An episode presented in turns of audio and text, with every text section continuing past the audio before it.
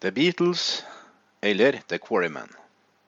The Silver Beatles og The Fab Four var et britisk band og idoler for mange ungdommer. The Beatles ble grunnlagt i 1960.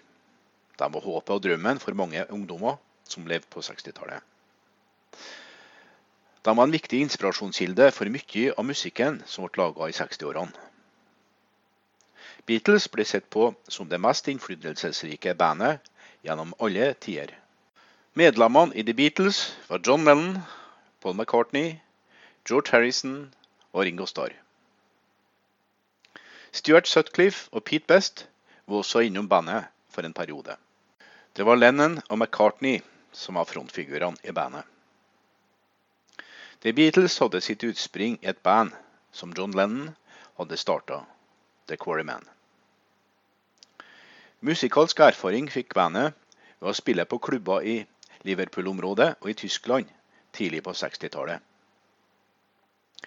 I en periode spilte Stuart Sutcliffe bass i bandet. Pete Best starta som trommeslager i The Beatles, men han var ikke god nok.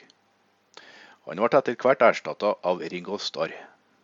De ansatte Brian Epstein som manager, og han fikk fart på karrieren til The Beatles. Han skaffa dem gode spillejobber. George Martin holdt orden på plateinnspillingene. Deres første hit, 'Love Me Do', ble utgitt sendt i 1962. Tidlig i 1964 hadde The Beatles blitt kjent over hele verden. De leda inntredenen til mange britiske popband som erobra USA på 1960-tallet. Dette fenomenet ble kalt for den britiske invasjonen. I 1964 spilte bandet også inn filmen A Hard Day's Night. I løpet av noen år spilte Beatles inn en rekke plater. Det var Rubber Soul, Revolver, Sgt. Peppers Lonely Hearts Club Band, The Beatles og Abbey Road. I denne tida begynte noen av bandmedlemmene å eksperimentere med narkotika og fordype seg i Østens religioner. I 1968 grunnla de Apple Corps, som var et multimediaselskap. I 1970 ble The Beatles avvikla. Medlemmene gikk hver til sitt, og de hadde suksessrike solokarrierer i årene som fulgte på. I 1980 ble John Lennon skutt og drept i New York. George Harrison døde av kreft i 2001. Ringo Starr og Paul McCartney lever i beste velgående. Musikken deres var preget av skiffle, beat, rock'n'roll, pop, indisk musikk og klassisk musikk. Her er musikkformene videreutvikla dem på en svært kreativ måte. De var også nyskapende innen plateinnspillinger, komponering av musikk og sceneopptredener. Hårfrisyre og klesstil gjorde at de også satte preg på hvordan ungdommer kledd seg på 60- og 70-tallet. The Beatles har solgt over 600 millioner plater verden over opp gjennom årene. De har ligget som nummer én på spillelistene i Storbritannia og USA i lang tid. Bandet har også mottatt mange Grammy og Brit Awards. Time Magazine har plukka ut medlemmene til å være noen av de 100 menneskene som har hatt størst påvirkningskraft i det 20. århundret. Da John Paul, George og Ringo danna The Beatles, så var de bare fire vanlige tenåringsgutter fra Liverpool. I sine villeste drømmer kunne de ikke forestille seg at bandet skulle bli tidenes største suksess, og at de skulle påvirke populærkulturen innen musikken, men også innen mote og film. Sendt på 1950-tallet og tidlig på 1960-tallet så var det utenkelig at et band fra Liverpool-området skulle gjøre suksess i musikklivet i London og spre musikken sin ut i den store verden. Det hele startet med at to tenåringer som likte musikk, møttes en gang i 1957. 16 år gamle John Lennon skulle spille konsert i ei kirke i Welton i Liverpool sammen med bandet sitt The Quarrymen. Lennon var sønn av en sjømann, og han spilte gitar i bandet. Bassisten i bandet hadde dratt med seg en klassekamerat til konserten. Det var Paul McCartney. Han fikk spille med et par nummer i konserten. Snart ble han en del av bandet. Paul McCartney var sønn av en musiker og en sykepleier. Hans første konsert med The Quarrymen fant sted i oktober. Det gikk ikke så bra da han skulle spille gitarboogie. Han ble nervøs, og fingrene ble stive. Det var slik George Harrison kom med i bandet. Han var en dyktig sologitarist. George var sønn til en busskonduktør og en butikkansatt. John, Paul og George skulle danne kjernen i The Beatles. I 1958 og 1959 tok The Quarrymen alle spillejobbene som de kom over. De spilte i små familieselskap, bursdager og på større spillesteder i Manchester og Liverpool. De endra navnet flere ganger på bandet. De kalte seg for The Moondogs, The Silver Beatles og The Silver Beats. Kunststudenten Stuart Sutcliffe ble henta inn i bandet for å spille bass. John og Stuart mente at bandet burde hete The Beatles. Lennon og McCartney dro ofte alene på mindre turneer der de spilte på puber. Slik utvikla de et godt kameratskap. I 1960 og første halvdel av 1961 dro de rundt i England og Skottland på spillejobber. De spilte på nattklubber og dansesteder. Men de mangla ofte trommeslager. Flere trommeslagere var innom bandet. På en spillejobb på en strippeklubb i London så var det Paul McCartney som satt bak trommene. Etter en spillejobb i Liscurd, Wellesley, så var det mye slåssing. Dermed fant bandet plutselig ut at de ville spille i utlandet. Alan Williams, som var manageren deres på denne tida, mente at det kunne være lurt at de tok seg noen spillejobber i Hamburg. Der hadde andre britiske band gjort en god suksess. I Hamburg hadde bandet en god utvikling. Ofte spilte de tolv timer i strekk. De spilte den musikken som de likte best, og tyskerne likte det de hørte. De spilte i flere omganger i Hamburg fra 1960 til 1962, med innlagte pauser i Liverpool. Det var på en spillejobb i Cavern Club i Liverpool at Brian Epstein ble oppmerksom på bandet. Han drev en platebutikk i Liverpool, og han hadde hørt rykter om The Beatles. Han var på flere konserter med The Beatles før han i desember 1961 ba om å få være manageren for bandet. I januar året etter inngikk han en femårskontrakt med bandet.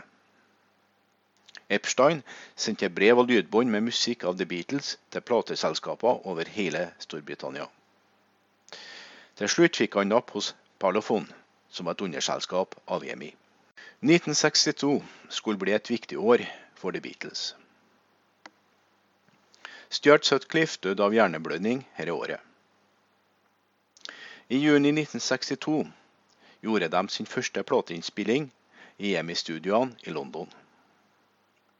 George Martin var produsent, og han var en klassisk skolert musiker.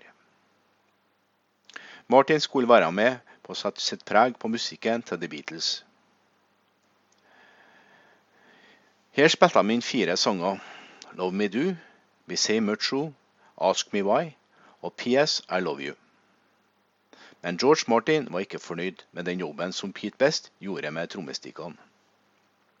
Brian Epstein sparka best som trommeslager. I stedet ble Ringo Starr hyra inn som ny trommeslager for The Beatles. Brian Epstein så et stort potensial i bandet. Han mente at de ikke ville bare bli populære i Liverpool-området, men også i hele Storbritannia og verden utenfor. Han forbedra også imaget deres, og han begynte å reklamere for The Beatles. Bandets første singel var 'Please Me, Please Me'. Og denne sangen ble spilt inn i november 1962. Og Singelen ble sluppet i januar året etter. De toppa snart spillelistene i Storbritannia. George Martin fikk skrudd opp tempoet på denne sangen. Vinteren og våren 1963 ble The Beatles kjente og kjære og populære i Storbritannia. De spilte rock'n'roll i flere kjente musikkprogrammer i radio på BBC. De ble populære blant de unge, og de ble et samtaleemne i vide kretser. På høsten samme året opptrådte de på engelsk TV. Når de spilte konserter, så brøt det ut hysteri blant fansen. Ungdommen kopierte hårfrisyreren, klærne, humoren og væremåten til Beatles-medlemmene. Brian Epstein reiste over til USA for å bestille spilletid på Ed Sullivan Show. Beatles spilte på Ed Sullivan Show i februar 1964 og de hadde stor suksess. 70 millioner mennesker så dette showet. Det ble en skjellsettende opplevelse for mange som så programmet. I 1964 spilte Beatles inn filmen A Hard Day's Night. Filmen handlet om Beatle-mania. Sendt i 1963 var Paul McCartney, John Lennon, George Harrison og Ringo Starr kjente navn i Storbritannia og Europa. 15 millioner briter hadde sett The Beatles opptre på London Palladium på engelsk fjernsyn. Konsertene deres var utsolgte til et entusiastisk ungdommelig publikum. Bandet lå på topplistene i Storbritannia. Alt var bare suksess. Men over på den andre sida av dammen slet de. De hadde mislyktes med singlene 'Please Me, Please Me' og 'From Me to You'. Capital Records var en underavdeling av EMI, og de hadde liten lyst til å promotere bandet. I oktober 1963 kunne karene fra Liverpool endelig ta seg noen dager fri. De dro til Stockholm. Da Ed Sullivan var på Heathrow-flyplassen etter et besøk i London, så støtta han på hundrevis av tenåringer som venta på at The Beatles skulle komme fra Stockholm. Dette fenomenet skulle skje opptil 100 ganger i karrieren til The Beatles. Et stort antall pressefolk var også til stede. Sullivan hadde aldri hørt kvartetten spille, men han skjønte at de måtte være enormt populære. Derfor ordna han det slik at han fikk spille i et av showene hans på amerikansk fjernsyn. Etter konserten i Sverige dro The Beatles på en seks ukers turné rundt om i Storbritannia. Tenåringene var fremdeles ville. I Plymouth måtte politiet bruke vannkanoner for å roe ungdommene. Nå skulle The Beatles dra over til USA. Capital lovte å reklamere for det nye albumet deres. Walter Cronkite fortalte om Beatlemania-fenomenet i Storbritannia. Singelen 'I Want To Hold Your Hand' ble spilt inn på en lokal radiostasjon i Washington DC, og den ble enormt populær. Flere radiostasjoner begynte å spille denne singelen. En million singler ble revet bort fra platehyllene i løpet av kort tid. Da The Beatles dro til USA i starten av februar 1964, så visste ikke bandet hva som venta dem. Da flyet forlot Heathrow, så vinka 4000 tenåringer farvel til dem. Da flyet landa på JFK-flyplassen i New York, så venta 3000 hysteriske tenåringer. Bandmedlemmene ble svært overraska over mottagelsen. På pressekonferansen fremsto The Beatles som meget elegante, med langt hår, pene i tøyet og vittige. De svarte på journalistenes spørsmål med morsomheter. De ble kjørt med limousin til Plaza Hotel i sentrum av New York. Hotellet var omringet av hysteriske fans. Om kvelden prata de med DJ Murray The K på et radioprogram som gikk direkte. Samtidig ble bandet filma for en kommende dokumentar. Dagen etter ble det tatt bilder av dem, og de gjennomførte en rekke intervjuer men de fikk også se seg om rundt om i New York. De kjørte bl.a. gjennom Harlem for å se Apollo-teatret. 9.2.1964 ankom The Beatles CBS-studioene i New York. De skulle gjennom en lydsjekk og øve litt til opptredenen på fjernsynet. Klokka åtte på kvelden skulle de spille. Salen var full av gærne tenåringer. The Beatles spilte All My Loving, Till There Was You, I Saw Her Standing There, I Want To Hold Your Hand og She Loves You. Ungdomspublikummet var hysteriske. 73 millioner amerikanere i 23 millioner husholdninger så The Beatles opptre. Dette var det største antallet seere som hadde sett et enkelt TV-program på amerikansk fjernsyn inntil da. Det var 34% av det amerikanske fjernsynspublikummet på denne tida. Beatles hadde tatt USA med storm. 11.2.1964 dro The Beatles til Washington DC for å holde en konsert på Washington Colosseum.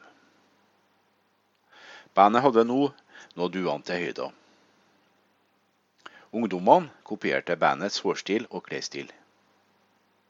De kunne ikke bevege seg rundt uten å bli plaga av hysteriske fans. På konserten hadde The Beatles problemer med å ta seg frem til scenen.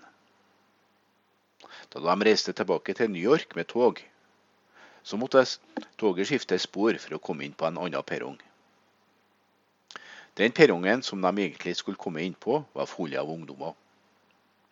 Tenåringene storma politiets sperringer for å få et glimt av idolene sine. I New York spilte Beatles to konserter i Carnegie Hall. Etter New York-oppholdet dro The Beatles til Miami, der de skulle opptre på nok et Ed Sullivan-show 16.2. De spilte seks sanger foran et livlig publikum på 2600 mennesker. 70 millioner mennesker hadde benka seg rundt fjernsynsapparatene hjemme. De fikk også litt tid til å slappe av på stranda, men her av pressefolk på slep. De ble også tatt bilde av sammen med Muhammed Ali. Noen dager senere dro de tilbake til Storbritannia. På flyplassen sto 1000 ungdommer og venta på dem. Den britiske invasjonen av USA hadde endt i erobring, sa Walter Cronkite. Fem av The Beatles' singler hadde kommet opp på toppen av de amerikanske spillelistene. I løpet av to uker hadde de påvirka amerikansk popkultur med sitt halvlange hår, klær og morsomme væremåte. Flere britiske popband skulle følge i fotsporene til The Beatles. Etter USA-turneen ville United Artist Records spille inn en film med gruppa på våren 1964. Filmen fikk tittelen A Hard Day's Night. Richard Lester sto for regien. Medlemmene spilte seg sjøl, og filmen var en lett komedie, ikke ulik stilen til Marks Brothers. Filmen hadde premiere sommeren 1964 og filmen ble en stor internasjonal suksess. Samtidig ble albumet fra filmen også sluppet. Her var det sanger fra filmen, men også nykomponerte saker. The Beatles hadde begynt å finne sin egen stil. I juni og juli 1964 dro The Beatles ut på en verdensturné, der de spilte i Europa, Asia og Australia. Tidlig på høsten samme året dro de til USA på nytt, og spilte 30 konserter i 23 byer. 10 000-20 000 publikummere møtte opp på de halvtimes lange konsertene deres. I New York besøkte Bob Dylan The Beatles på hotellet deres. Han introduserte gruppa for hasj. Lennon skulle senere begynt å etterligne måten som Dylan sang på. The Beatles kom også ut for raseskillepolitikken i USA. På en konsert i Jacksonville i Florida var det raseskille på konserten.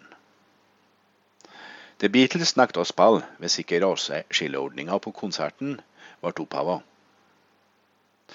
De kansellerte også rommene sine på et segregert hotell i Jacksonville.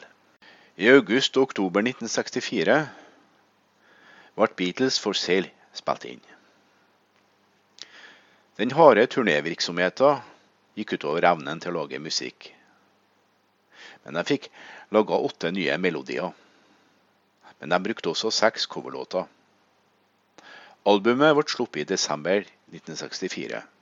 I 1965 ble Lennon, Harrison og Starr introdusert for LSD av tannlegen John O'Reilly. Paul McCartney brukte LSD for første gang i 1966. LSD var en sjokkopplevelse for medlemmene. Lennon og Harrison kom til å bruke dette stoffet regelmessig. Det var LSD som førte til at George Harrison ble introdusert for meditasjon, yogia og ravisk musikk. I juni 1965 ble The Beatles tildelt medaljen Order of the British Empire. Det var statsminister Harold Wilson som nominerte dem. I juli samme året ble filmen Help sluppet. Filmen var også denne gangen regissert av Richard Lester. Og den var svært inspirert av James Bond-filmene. Beatles-medlemmene følte seg mer som gjester i filmen enn som skuespillere. Det var John Lennon som var vokalist på de fleste av sangene i filmen. Help og Ticket to Ride er de to mest kjente sangene fra denne filmen. Albumet Help var The Beatles' femte plate. Det meste av sangene var nykomponert, men de tok også med to coverlåter på plata. På denne plata fikk de hjelp av en strykekvartett. Paul McCartney var vokalist på monsterhiten 'Yesterday'. Nå dro The Beatles ut på sin tredje amerikaturné. De spilte for 55 000 mennesker på Skeo stadion i New York 15.8.1965. Denne konserten skulle bli bandets mest kjente konsert. De skulle spille ytterligere ni konserter i USA på denne turneen. The Beatles hadde også et møte med Elvis i huset hans i Beverly Hills. I september ble det sluppet en tegnefilmserie om The Beatles på amerikansk frokost-TV. I oktober 1965 gikk The Beatles inn i platestudio. Denne gangen hadde de god tid. De hadde ingen spillejobber som venta på dem. De forrige albumene som gruppa hadde spilt inn, var egentlig en samling singler. Nå var oppdraget å spille inn et album i sin helhet. Rubber Soul ble sluppet i desember samme året. Medlemmene i The Beatles røykte mye hasj under innspillinga, og musikken kom til å bli påvirka av det. Musikken handla mye om kjærlighet og filosofi. De begynte også å ta i bruk sitar i musikken sin. Det var Lennon og McCartney som lagde mesteparten av musikken. Folk som var til stede under innspillinga, kunne ane en grynende konflikt og uenighet mellom de to musikerne. I USA var det Capital Records som sto for utgivelsene av gruppas musikk. Selskapet tok seg friheter som The Beatles ikke likte. I juni 1966 ble albumet 'Yesterday and Today' gitt ut i USA. På coveret var bandmedlemmene avbilda med slaktedresser, rått kjøtt og babydukker. Coveret vakte forargelse. Det hele endte med at det ble limt på et nytt cover på platene. Mens de var på en turné på Filippinene, så fikk gruppa en invitasjon om å spille for Imelda Marcos. Det ville ikke Epstein og The Beatles gjøre. Dermed brøt ut opptøyer i Manila, og gruppa kom seg med nød og neppe ut av landet. I mars 1965 gjennomførte John Lennon et intervju med Maureen Cleave. I intervjuet uttalte han seg kritisk til kristendommen. Intervjuet ble nesten ikke lagt merke til i Storbritannia.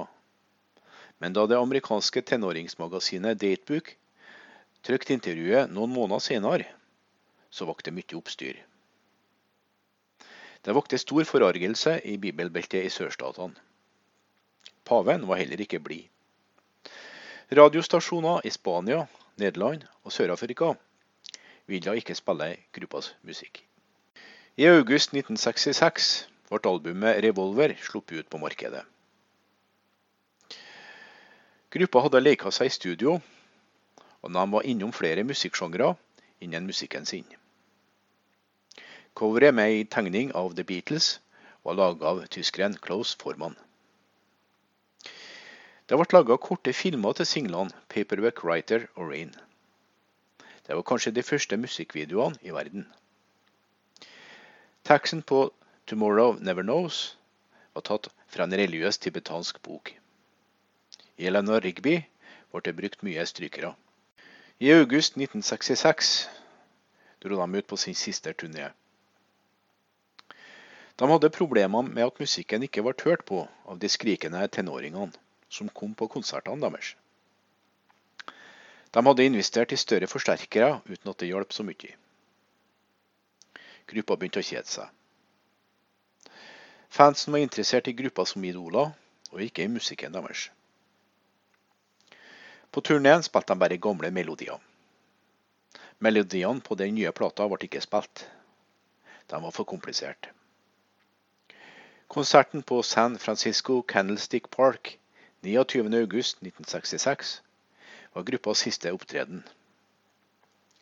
I løpet av fire år hadde The Beatles spilt inn 1400 konserter.